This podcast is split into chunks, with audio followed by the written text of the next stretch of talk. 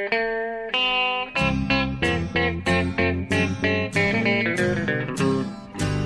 out there, we're on the air. It's hockey night tonight. Tension grows, the whistle blows, and the puck goes down the ice. The goalie jumps and the players bump and the fans all go insane. Someone roars, Bobby scores at the good old hockey game. Oh, the good old hockey game is the best game you can name. And the best game you can name is the good Hallå, hallå, hallå, hallå, hallå, hallå, hallå, hallå, hallå, hallå, hallå, hallå. Hallå och välkomna till NHL-podcasten med Jonathan Broccolipajen Ekeliv som ni hörde där i Stockholm på Södermalm. Ja, Och eh, Per Bjurman, då jag alltså, i eh, Cleveland av alla ställen i världen. ja, just det. Där jag råkar befinna mig. Och vi ska nu spela in det första avsnittet någonsin höll jag på att säga. Det är tvärtom det är 300 andra. Men det är det första med Jonathan Ekeliv som eh, nybliven Stanley Cup-mästare om man får uttrycka det så. För det, det här är morgonen efter natten när hans eh, älskade Tampa Bay Lightning avgjorde Stanley Cup-finalen 2020. Och blev mästare. Och det känns ju faktiskt lite coolt och häftigt nästan att få, att få vara runt dig den här dagen. Det är många som skulle vilja, som skulle vilja vara i Mr Ekelivs sfär eh, en sån här dag. Hur känns det? är ju den klassiska frågan. Ja, det känns helt overkligt alltså. Är, jag, jag hör vad du säger liksom med att jag är ny, alltså att vi har vunnit Stanley Cup och så. Jag, jag, jag har inte riktigt förstått det än. Det har gått ganska många timmar nu. Jag har visserligen inte sovit så många dagar. Fick ihop kanske tre timmar mellan eh, tio och ett ungefär. Men eh, nej, det är helt otroligt. Det, jag trodde inte det skulle kunna hända Tampa Bay. Nej. Jag har liksom en, min identitet är inte att det ska liksom sluta med champagne. Utan det är, jag, jag är mer van vid att det liksom...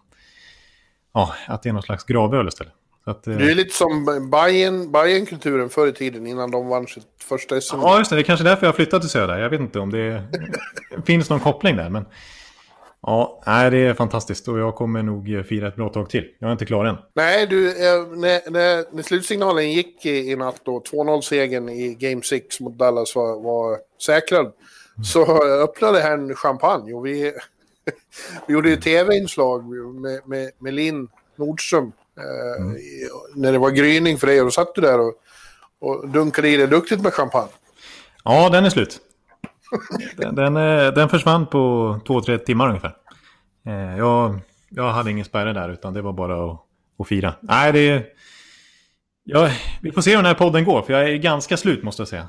Eh, hur jag ska kunna sortera tankarna och säga någonting smart och initierat. Och kanske till lyssnarnas glädje så blir det nog inte så mycket statistiknörderi här, för det har jag inte riktigt hjärnkapacitet till.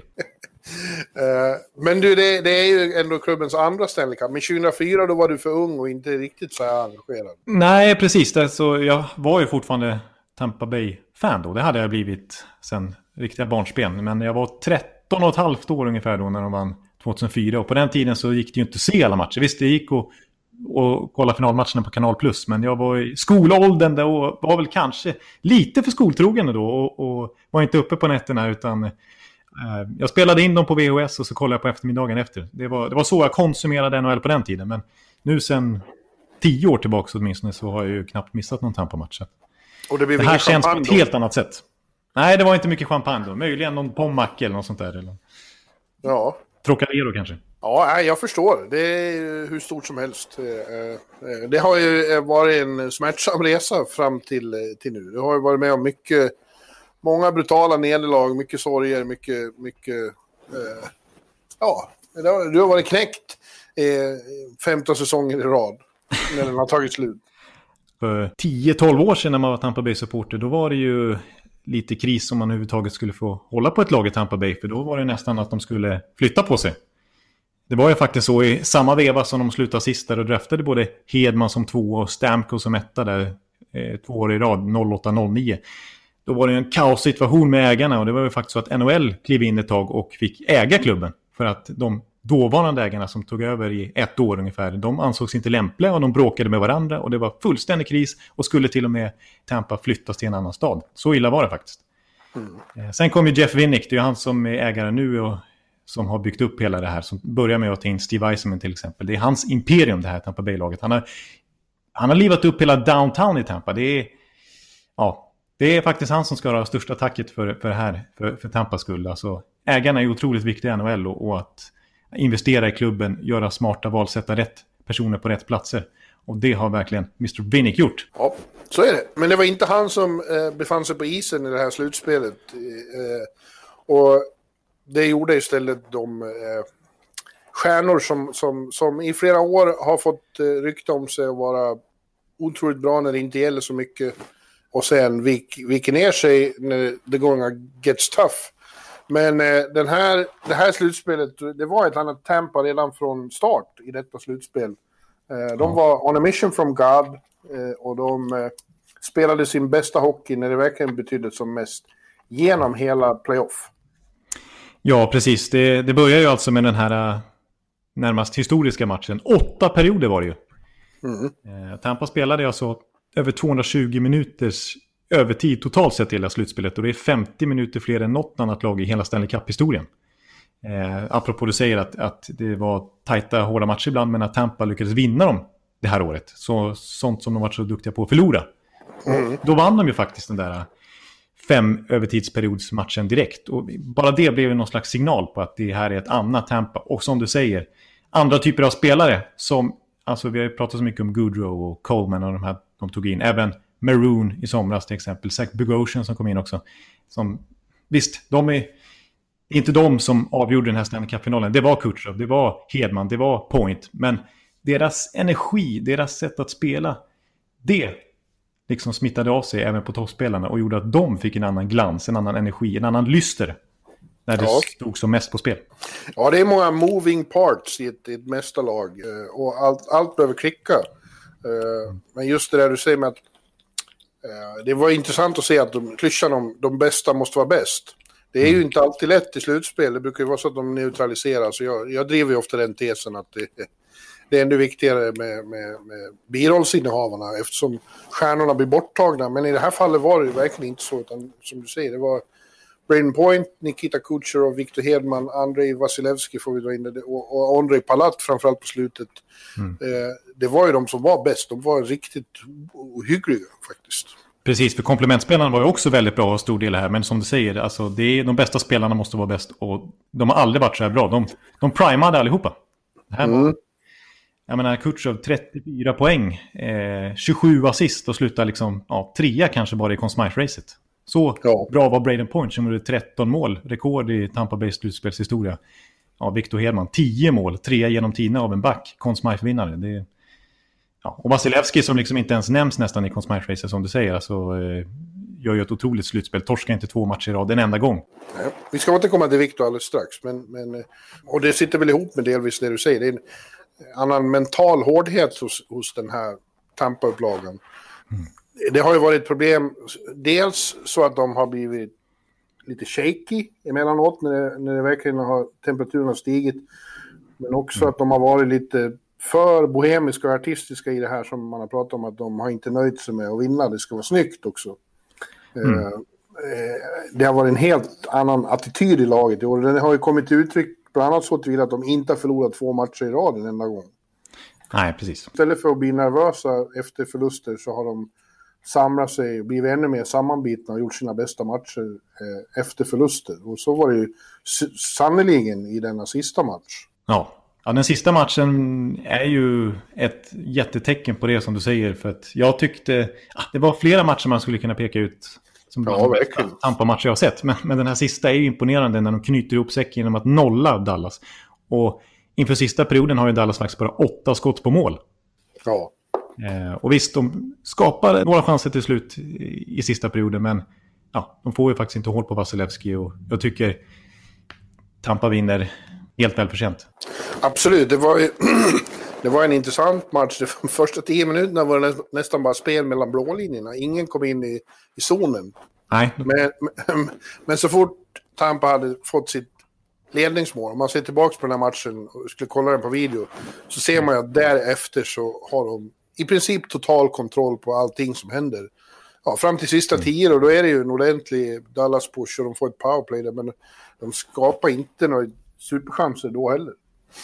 Nej, precis. Det, det håller jag med om. Och, ja, jag tycker också, om man ser totalt sett över den här serien så i, i andra perioderna, där tycker jag att man kan se lite grann vilket lag som är det bättre, har, liksom, har högre kvalitet. För då är det långt till båset, då är det svårt att säkerhetsspela, då blir det lätt att man fastnar i egen zon. Man kan inte spela som man gjorde i början av matchen där när det var väldigt mycket säkerhetsspel och, och som du säger mittzonsgegga. I andra perioden blir det lite högre, kan det bli liksom lite mer flängigt liksom. Och, och jag tycker nästan genomgående, jag har inga siffror på det, men känslan genomgående i hela serien var att Tampa dominerade ganska kraftigt i andra perioden. Ja, det gjorde de verkligen. Och, så även i den här matchen, sista. Ja, nej, riktigt, riktigt enastående insats av allihop. Och eh, ja, som du nämnde, det blev ju då vår egen Viktor Hedman som, som vann Conn Smythe. Som blott den tredje svensken i historien efter Niklas Lidström och Henrik Zetterberg. Eh, det, jag tycker att det finns inget större individuellt pris. Eh, Hart och Norris och Vessina i all ära. Eh, när man vinner Conn Smythe, då har man varit bäst när det har gällt som mest. Eh, jag tycker det är en överlägsen, ja, ärorik trofé att vinna. Ja, exakt. Jag håller verkligen med. Det, det måste ju ändå vara den svåraste att, att plocka hem. För det är som du säger, man, det är Stanley Cup, det är det alla spelare drömmer om. Det är det som är det viktigaste. Man, man drömmer inte om att vinna Norris Trophy i första hand. Utan det är ju att få lyfta bucklan och att då vara den viktigaste spelaren i laget. Att utifrån ses som det, det är ju extremt hedersbetyg. Och det var jämnt, man kunde verkligen argumentera för Braden Point också. Eh, men, men Hedman är förtjänt av det också, det, det, går inte att, det är svårt att snacka bort. Jag hade ju återigen äran att vara en av de 18 som röstade då. Det är ju en ganska liten jury. Ja. ja. Jämfört med uh, awards som vi är flera hundratals som röstar om. Ja, men de, när de ska koka ner det till de liksom mest VIP-personerna, då är ju Pat Bjurman, Bjurebupp, ja, en av dem. Ja. ja, det handlar om att de vill ha lite spridning och diversity, så de vill ha med någon, något internationellt namn också. Det brukar vara en från, brukar vara jag då som representerar Sverige och så någon från Finland också. Och gärna någon Ryssland och så också. Eh, ja. Men det har ju aldrig, jag, jag skulle säga det, det har ju aldrig varit svårare, tycker jag, att rösta i, i för att eh, Viktor, Brainpoint, Kucherov, Vasilevski känns alla fyra som ganska... Hade varit värdiga vinnare allihop. Och det slutade faktiskt med att jag... jag det är inte så att Viktor vann den här på sin svenska röst, på en homer-röst. För jag ändrade min sista stund och, slängde in Brain Point som nummer ett och Viktor nummer två och Kucherov tre. För att... Ja. Eh, ja, jag fegade ur det lite. Jag ville, jag ville inte vara liksom... Eh, för, för mycket svensk homer. Nej. Detta kommer ju, detta kommer ju familjen Hedman och, och, och Lönta Lönnqvist och såna här och håna mig för resten av livet. Ja, det, med rätta. Det gäller. Men, men, samtidigt så är, då är det väl nästan ännu mer ärorikt att det inte var på svenskrösten han vann. Nej, nej, exakt. Och det var ju otroligt jämnt. Alltså, eh, Hedman fick nio röster som etta och eh, Point fick åtta. Mm. Så det var ju extremt, eh, extremt nära. Men eh, kan, det, är, det är som du säger, jag skrev ett sms till dig när du hade ångest där för vem du skulle välja. Eh, och jag skrev det vid ja, points 1-0 mål i matchen där. Att, eh, ja, det var ju MVP Hedman som spelar fram till MVP Kutjerov som spelar fram till MVP Point. Som mm. avgör. För alla känns ju, man kan argumentera för alla. Kutjerov vinner poängligan, han gör alltså 27 assist på 25 matcher. 34 poäng totalt. Point 13 mål, över 30 poäng dessutom. Och så otroligt en riktig katalysator ändå får man ändå säga för offensiven. Alltså, och väldigt tydligt då eh, vad som hände när han inte han var med. Till exempel de här två Islanders-matcherna som de torskar i den serien. Mm. Eh, det märktes ju väldigt att han var borta. Men samma sak med Victor Hedman ju, som också radade upp fantastiska statistiska individuella siffror i det här slutspelet. Men man har ju sett genom åren ett Tampa utan Hedman vad det är. Det är, en, det är inte samma sak. Det är inte samma dynamik. Det är inte samma Nej, det, det är ju över hela banan liksom. Det är dels offensiven som påverkas och försvarsspelet, inte minst. Så att Hedman, ja. Hedman ska peka ut den spelaren som jag absolut inte vill bli av med i laget, som bara inte får vara skadad. Jag skulle säga egentligen alla de där fyra, men måste jag välja någon så är det ju Hedman. Ja. Eh, ja, till slut, mitt argument för att ta point vart ju, bortsett från att jag varit lite feg då, var att alla de där, han gjorde så otroligt många avgörande mål också. Eh, och eh, som du säger, det, det försvann ju en dimension i offensiven när han inte var med. Men, eh, men jag håller med, tänk om, alltså, precis i början av slutspelet var det en match när Viktor gick av och trodde att han hade brutit foten eller något. Just det. Och det kan jag ju säga, hade det, hade det varit allvarligt och han inte kunnat spela mer, då hade, de inte, då hade vi inte suttit och pratat om det här nu. Nej, då hade de mycket väl kunnat åka ut mot Columbus direkt. Jag tror att, jag tror att eh, han är den som är mest oumbärlig av alla, även om det är väldigt många fantastiska spelare. Och eh, ja, han slog ju också poängrekord där med, med, för svenska backar med 22 poäng. Det har ingen svensk back gjort i ett slutspel. Inte ens Lidas, inte ens Erik, inte ens någon. Inte ens Klingberg som också kom upp i 20-talet poäng faktiskt. Men... Eh. Ja, ja, vi ska, vi ska prata om det också. Men, ja. men äh, som jag skrev i någon snabb krönika där, att han, Victor Hedman är en av våra allra största och äh, jag får göra om den där listan med bästa svenskar NHL, i, i NHL-historien. Han måste vara högre än Nia faktiskt. Ja, han är, han är och nosar kring topp fem alltså. Ja, det är han. Conn Smythe-vinnare och Norris-vinnare och, och, så här ex, ja, kanske NHLs bästa back totalt sett den senaste femårsperioden. Ja. Och eh, ja, det, det, ska inte ha med saken att göra, men det är ju en, en, en, en enastående person också. Alltså, eh, extremt respekterad och, och omtyckt av alla, eh, både spelare och media, för att han är så exceptionellt vänlig och, och varm och, och, och snäll. Det är bara så typiskt i natt eh, skulle inte gå att få tag i en spelare på telefon när de firar sitt livsseger, men nog tusan svarar han ja. eh, till slut. Så ja, nu får det gå snabbt här. ja, men jag, jag tänkte själv på det, att jag blev förvånad att jag ändå fick tag i en så pass snabbt. Alltså, det, var ju, det var ju medan det var fullt party där i omklädningsrummet som han svarade. Ja, men det är för att uh, han, han bara är sån. Och uh, det gick snabbt. Jag sa det är bara att öppna spelen, Victor. Säg vad du... det är kul att bidra. ja. ja, han sa apropå Conn Smythe att det, det, var hela lagets pris. Och, det är kanske något han kommer att vara stolt över om 15 år. Men nu var det ju kuppen eh, som var det stora. Och eh, ja, i detta nu när du och jag sitter och pratar så sitter väl laget på ett... Han satte sig på flighten i Edmonton och är på väg hem mot Tampa eh, med mm. bucklan. Come in hot som det heter sådana gånger. För att eh, det kommer att bli en sju satans fest i Tampa nu. Det var ju redan eh, ordentlig tryck i stan i natt förstod man ju. Och, ja. och det blir det idag och imorgon blir det ju båtparad. Precis, längs med kanalen där så ska de eh, köra fram med, eh, ja, vi får se hur coronasäkert det är, men det kommer vara, ja, det kommer ja. vara späckat längs med den kanalen kan jag säga. Ja, jag, jag, jag är glad, nästan glad att jag inte är där. Jag skulle vara lite nervös för trängseln där, får jag säga. Ja, ja men det, det, kommer nog vara svårt att, att hålla tillbaka. Ja, ja. Nej, Nej finns... men eh, stort, stort grattis till Viktor. Han, han har ju verkligen förtjänat det. Ja, verkligen. Verkligen. NHL-podden enade bakom detta. Men eh, jag, säger, jag skulle kunna säga lite mer saker om Tampa. Jag vet inte hur många som orkar höra mig gasta om det här. Nej, du får inte, du får inte gå för djupt. Nej. Eh, ja, men ska, jag, ska jag zona in på, på två saker till då? Mm. Får jag det?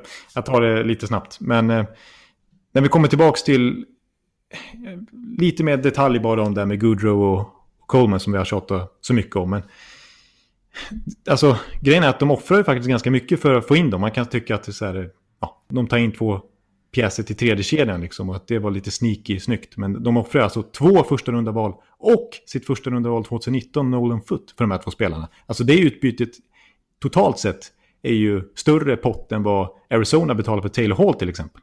Mm. Men eh, det var ju verkligen så otroligt utstuderat att, att man ville ha just de här spelarna. Dels för att de har fina kontrakt, förmånliga som även håller nästa säsong och de är ju underbetalda sett till vad de presterar.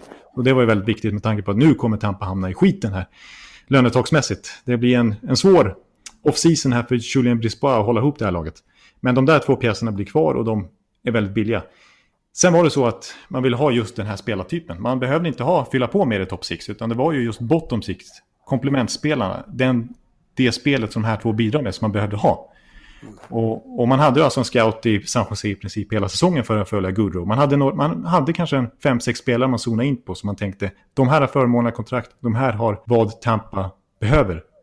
Eh, och hård scoutad liksom. Och till slut kom man fram till att nej, det är värt att offra ett första val för Blake Coleman. Och till och med för Goodrow, vilket ju många, inklusive jag själv, verkligen höjde på ögonbrynen åt då, när det, där i februari.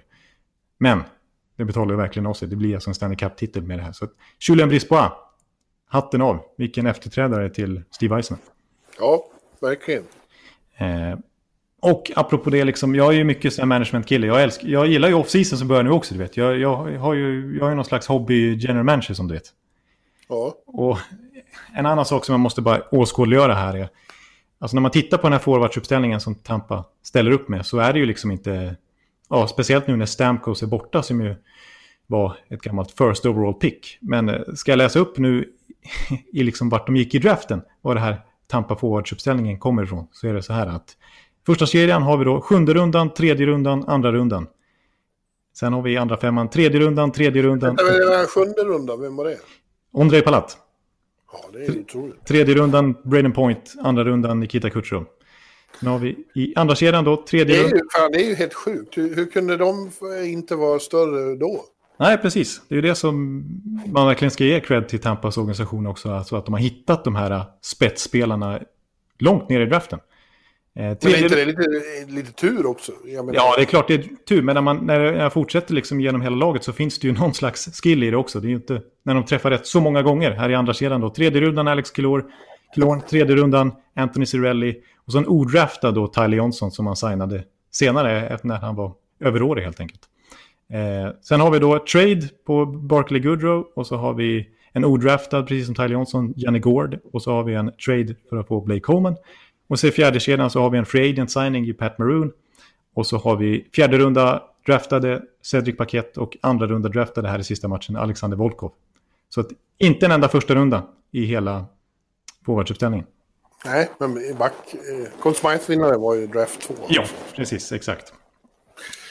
Ja, men eh, Maroon är ju intressant att titta på också. Eh, Andra raka Stanley Cup-titeln. och eh, han blir väl free agent nu också, kommer ut på marknaden. Eh, Ja. Det verkar vara en bra idé att knyta till sig honom. Precis, exakt. Så att, eh, han, Han kan åka runt på och vinna. Ja, han kan åka runt och vinna Stanley Cup och det här att jag vet vilket lag jag ska tippa på nästa säsong. Ja, Utifrån vad han väljer. Mm. eh, men eh, du nämnde ju St- Stam, Stamkos där i förbigående.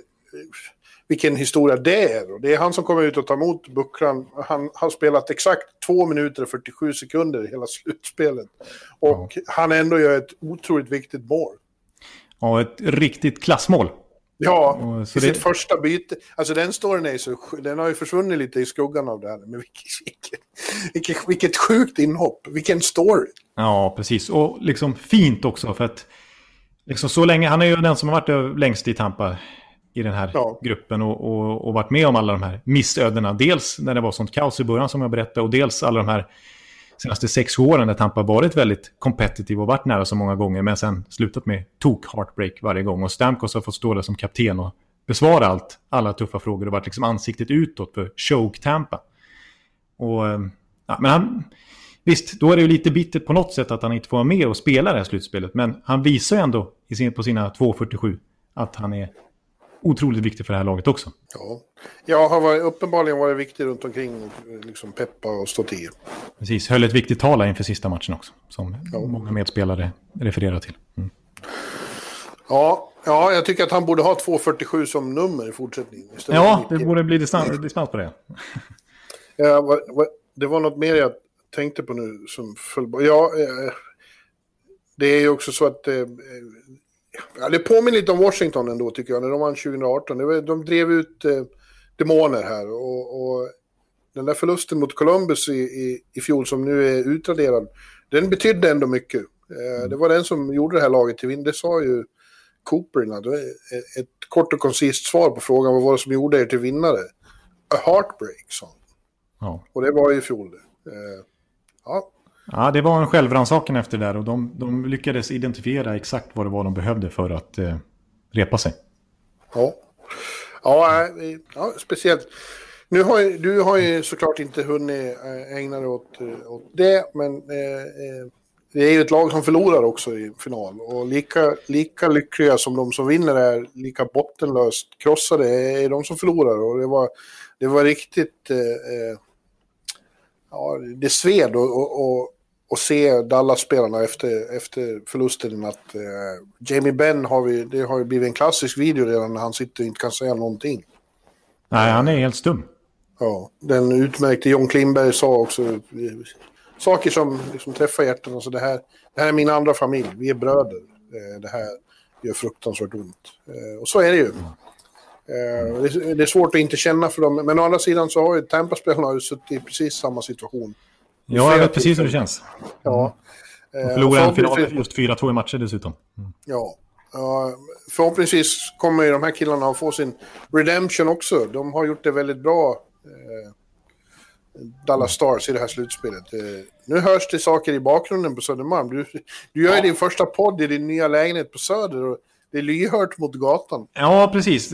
Ja, ja, där kanske man får vänja sig vid kommande poddar. Eller så får jag hitta någon ljudisolerande lösning. Men det, Ja, det är lite, nu är det lite barn som springer ner utan, nere här på gatan. Så att, ja. Lyssnarna tar reda på exakt vad det är och kan stå och lyssna live. Ja, rent, man skulle nästan kunna göra det faktiskt.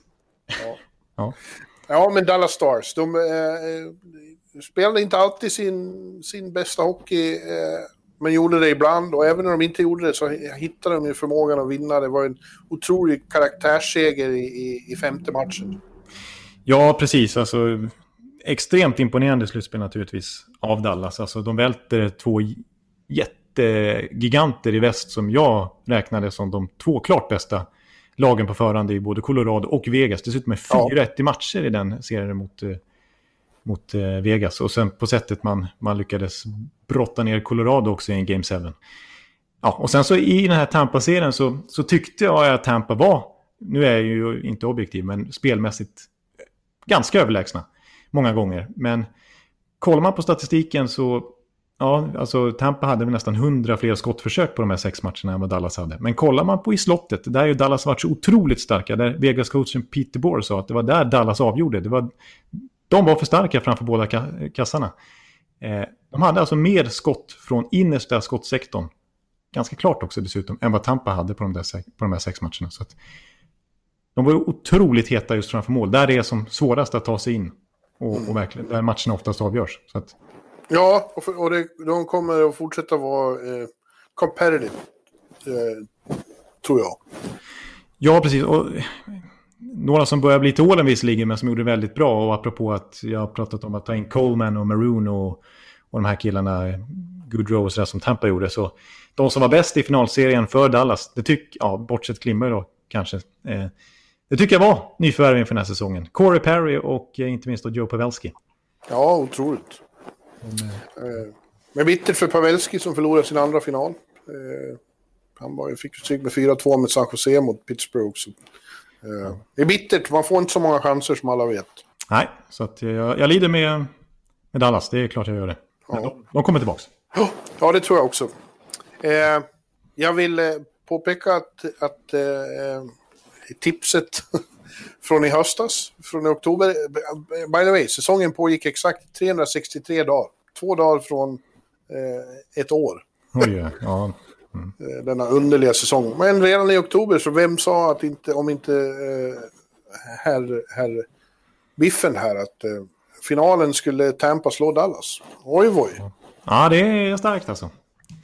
Ännu mer imponerande är ju dock det faktum att i stora finaltipset i bloggen, mm. eh, där var det 77 stycken eh, spooky enough som, som sa att eh, Tampa skulle vinna med 4-2. Det blir ju speciellt i och med att Viktors nummer är 77. Ja. Eh, så var det, ja, eh, det är domen. Ja, det är faktiskt sms honom sent i natt. Det tyckte han också var storartat. Men, men allra mest imponerande är ju då att Håkan Loob, vår egen sida, gör det igen. Ja. Han satte inte resultaten, men han satte, han satte raden. Från Game 1 till Game 6. Han sa att Dallas skulle vinna första, nu skulle Tampa vinna tre raka, så skulle Dallas ta femte i overtime och så skulle uh, Tampa vinna Game 6. Han, han, är, han är... Man, alltså, om du tyckte det var spooky med 77 som sa eh, Victor Hedman, eller som sa, eh, sa Tampa så är ju eh, Loob, det är ju ja. Det är inte, det är inte okej. Okay. jo, det är väldigt okej. Okay. Eh, eh, ja, år efter bara, år efter år. Ja, det är bara bugal. Ja. Ja, jag, vill han in i NHL-podden och, och, och, och, ta över här så lämnar jag min plats till förfogande alla dagar i veckan. Här. Han är lika överlägsen i, i, i tippa NHL-finaler som han var på junior i, i, i, i dåvarande elitserien och eh, sedermera i NHL. Ja. Nej, det, det... Jag skulle vilja fråga hur han, hur han gör, vad han, får, vad han dricker, vad han äter. Hur, när han går upp på morgonen och sådär. ja, du får åka till Karlstad och kolla. Ja, det är en studiebesök nästa alltså. Ja, du, men du, eh, sen vi spelade in senaste podden har det hänt lite annat också som vi väl måste eh, ta en titt på. Ja, vi får göra det. det, det vi hade ju tänkt att spela in en vecka, eh, en podd mitt i finalen också, men det blev aldrig av av olika omständigheter. Så det har hunnit gå en och en halv vecka sedan vi spelade in senast. Eh, då var det ju preview av finalen och nu är det klart den här säsongen. Men det, har ju, det är som du säger, det har hänt en del annat. Ja. Framförallt har eh, en, en eh, oväntad eh, trade med en svensk inblandad ägt rum. Det var ju då att Jim Rutherford, Pittsburghs general manager, eh, tradar sitt gamla tradefynd Patrik Hörnqvist till Florida. Utbyte mot Mike Matheson och vad heter han den andra? Colton Sevier. Ja. Uh, och den var det ju väldigt många som höjer på ögonbrynen åt. För att uh, Bengan Hörnqvist har ju på, i mångt och mycket varit the so heart and soul av, av uh, det här dubbla mästerlaget från 16-17. Mm. Inte den allra bästa uh, hockeyspelaren där. De har ju genier i sitt lag, men det är han som har varit liksom... Pådrivaren? Ja, motorn i det där. Med sin passion och sitt otroliga krigarhjärta. Mm. Eh, så det känns som att han laborerar med själva lagets identitet där. Och de han tar in förstår inte jag riktigt varför han har fått för sig att, att Matheson är som talang. Nej, precis. Det är ju faktiskt ganska obegripligt den här traden. Alltså, Matheson har ju varit ett problem för Florida. De har ju verkligen velat bli av med det här kontraktet. Han sitter ju alltså på nästan 5 miljoner dollar per säsong. Nästan lika mycket som Hörnqvist. I sex år till. Eh, till skillnad från Hörnqvist tre år till. Mm. Eh, jag trodde det skulle vara svårt för Florida att lyckas trada det där kontraktet överhuvudtaget. Eh, och visst, han var hypad när han kom upp, Matheson. Han är ju en första runda val från 2012 och han fick spela VM innan han knappt hunnit debutera i NHL och sådär. Eh, men, eh, och gjorde väl bra några första säsongen, vilket gjorde att han fick det här kontraktet. Men eh, nu på slutet den här senaste säsongen, då fick han ju till och med spela forward. För att eh, Quen vill inte alltid lita på honom som back. Så... Nej, och mest är han väl känd, tycker jag, för fula tacklingar, till exempel på Elias Pettersson. Ja, en extremt onödig eftersläng där som ledde till hjärnskakning eh, på, på Elias. Men nej, så att, eh, konstigt. Där, alltså, och så typiskt eh, Rutherford då, som ju är den stora trademannen i NHL. Han bara fortsätter. Det här är ju hans tredje senaste månaden. Liksom. Han börjar ju med, med Kappanen från Detroit där och så skickar han Bjugstad till Minnesota och nu, nu håller han på med det här med Florida. Och han är inte klar än. Han ska ju trada Matt Murray Kappanen till Toronto menar du? Vad sa jag? Detroit. Detroit, ja det var konstigt. Eh, ja, från Toronto. Ja, han, han, han, är inte nöjd med att de inte eh, är med och slåss om kuppen. Men det här känns inte som... Ja, det har man ju sagt i och för sig förr, men det här känns verkligen inte som lösningen. Jag sa med Bengan, det var ju också eh, lite, eh, tog ett tag innan trading gick igenom. Man mm. trodde att eh, Hörnqvist hade stoppat den för han har ju no trading-klausul. Men när jag pratade med honom när allt var klart så sa han att för honom var det klart. Så fort de bad honom wava sin eh, klausul så då var det över för honom. Då, man kan inte vara där, där de inte vill ha en, sa han. Han är ju väldigt, han är ju väldigt rak och, och, och Ja, det är korrekt. Ja, precis. Det är det som är grejen med no trade-klausuler. Att liksom, visst, det är ett skydd, men samtidigt så... Hur är motivationen då om, om general manager säger att vi har en trade klar för dig och vi... Det, det är ju i praktiken att säga att vi vill inte ha kvar dig. Nej. Och nu ser han fram emot ett spännande äventyr i, i Florida. Han tycker det är jättekul att spela med Anton Strolle och med, med eh, Lukas Wallmark. Och få Quenville som coach. Ja, precis. Det blir ju det är ju precis De två kommer att gå ihop som hand i handske. ja. Nej, men, eh, och det är väl här vad, är ju precis vad Florida behöver. Liksom, lite vinnarkultur, lite attityd. Ja, nu är det ingen som kommer att kunna göra något halvdant. Då kommer de att ha bängan i ansiktet hela tiden. ja, precis. Så, ja, extremt bra move av Bill Cedar, där nya general managern. Att, att lyckas kränga in eh, Hörnqvist eh, mot ett problemkontrakt i, i Mike Matheson. Och Colton ja. Seaver som varken gör till eller från. En okej okay komplementspelare, men eh, inte mycket att orda om. Så att, eh, solklar seger för Florida den här segern. I den här traden. Ja. Solklar seger i en annan trade i New York Rangers som lyckas bli av med sitt problemkontrakt eh, på backsidan. Det som Mark Stahl satt på. Mm. Eh, och nu efter 13 säsonger så eh, är han tradad till Detroit. Mot eh, Future Considerations i huvudsak. Ja, det blev väl ett andra runda val till slut. Ja, det kan ja. ja, ja, eh, ja, ja, Storartat av Jeff Gorton. Och, ja, det, han har varit en trotjänare i Stål, men han är ju inte... på grund av skador och ålder och elände så, så ja, det var ju mest ett problem. Precis, och hans, den typen av backar som han representerar, det har vi pratat om mycket, att det är ju inte, de, de har ju inte samma status längre. Han är ju lite Girardi-generationen liksom. Ja. De var uppskattade där eh, kanske fram till början av 10-talet ungefär. Och han var ju viktig pjäs i Rangers eh, stall när de gick till final 2014 och sådär. Men nu på senare år som du säger, dels på grund av skador men dels på grund av att hans backtyp inte riktigt hänger med i dagens tempo.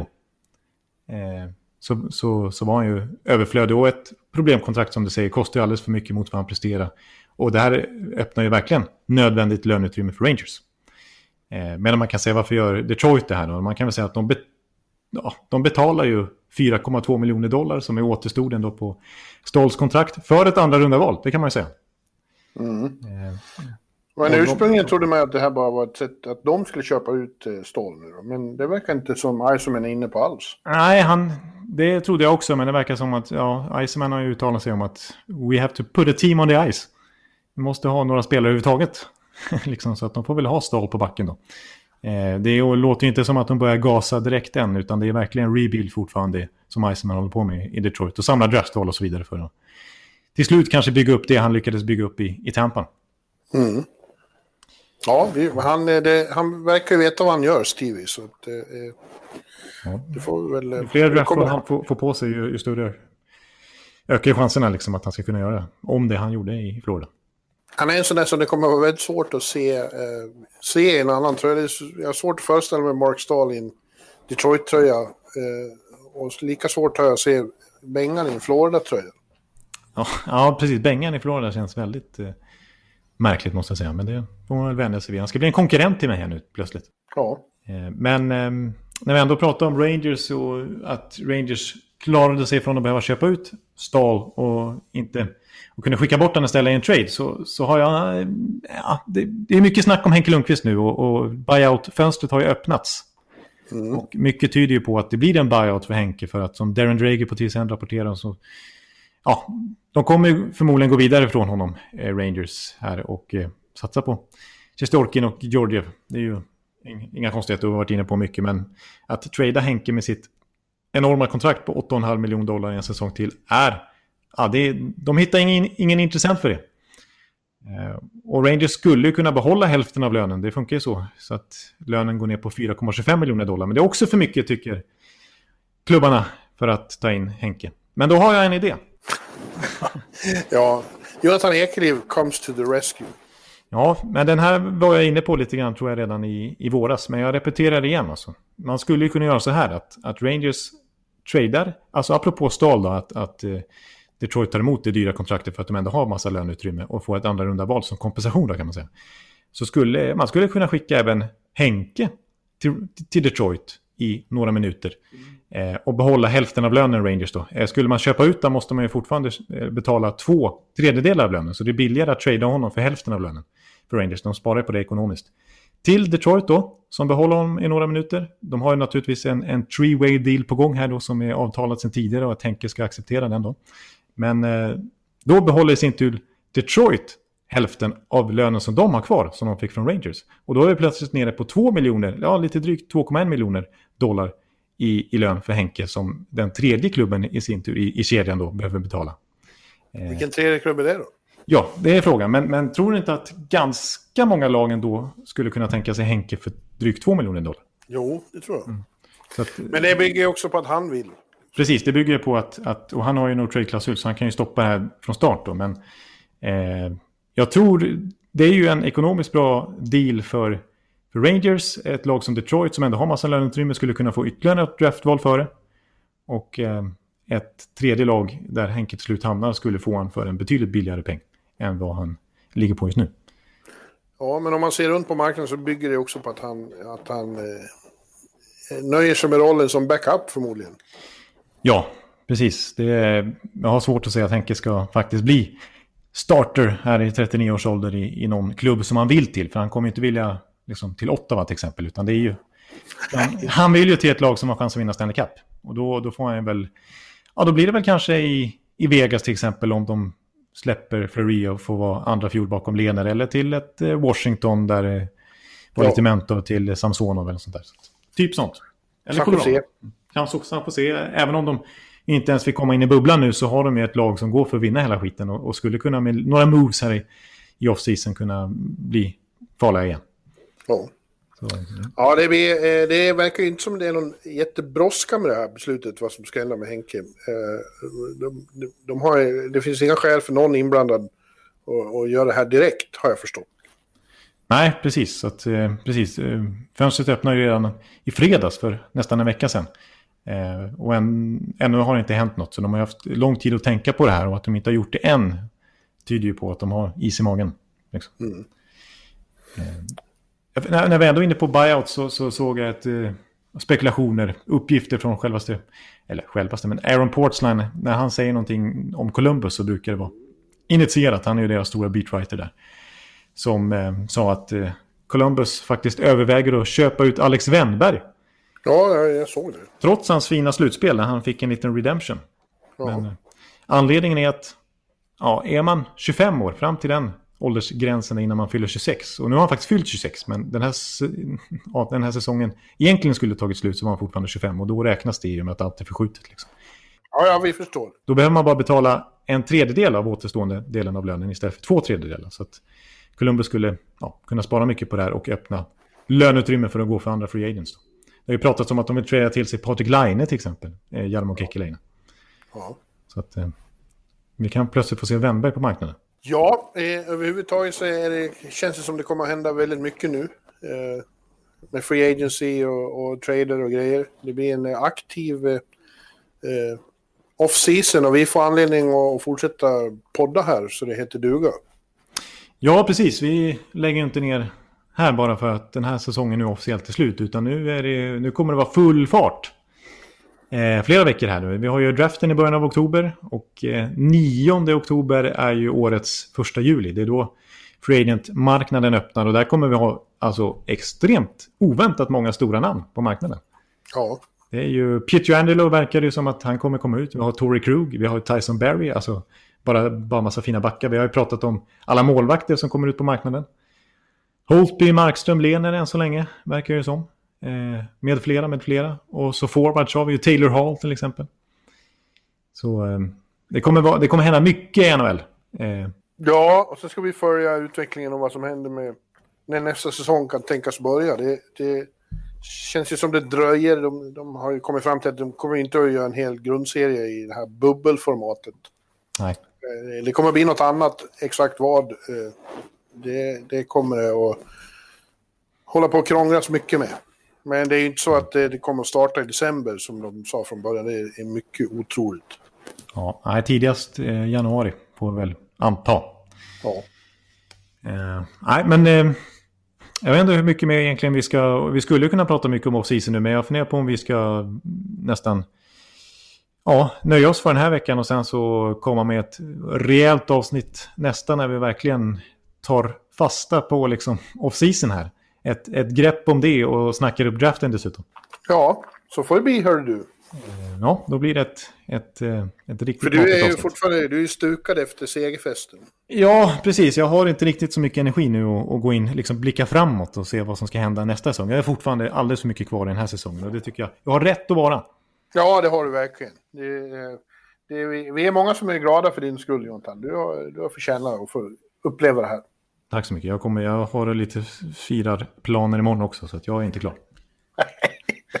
Nej, ska du flyga till Tampa? Det var du ska göra? Nej, inte så ambitiöst tyvärr alltså. Men, eh, Simma men... i kanalen där.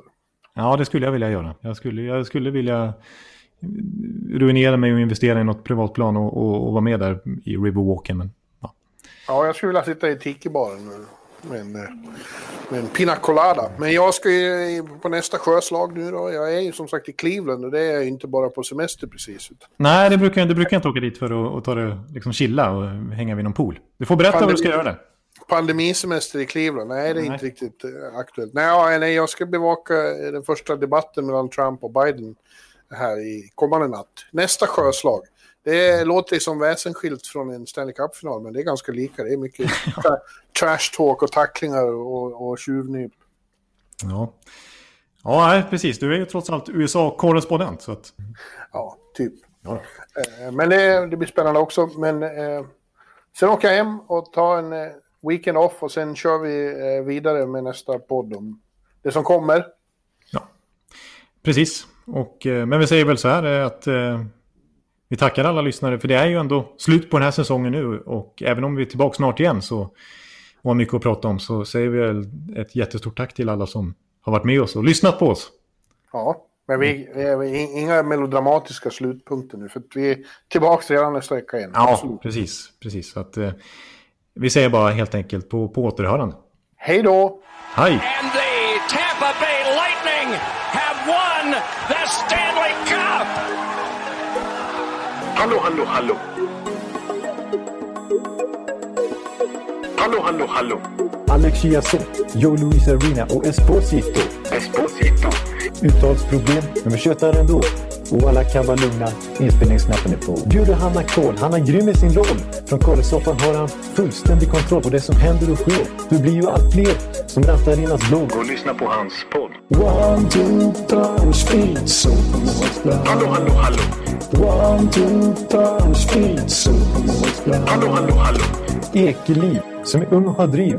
Verkar stor och stark och känns allmänt massiv. Han hejar på Tampa och älskar Hedman. Sjunger som Sinatra. Ja, och där ser man. Nu är det dags för refräng. Dags för magi, Victor Norén. Du är ett geni. Så stand up at home and remove your hats. Höj volym, för nu är det plats. One, two, three, speed, so Hallå, hallå, hallå! One, two, three, speed, so Hallå, hallå, hallå! One, two, three, speed, so Hallå, hallå, hallå! One, two, three, speed, so Hallå, hallå, hallå! Det är otroligt länge sedan båda samtidigt var så här bra. Hallå, hallå, hallå! Det är otroligt länge sedan båda samtidigt var så här bra.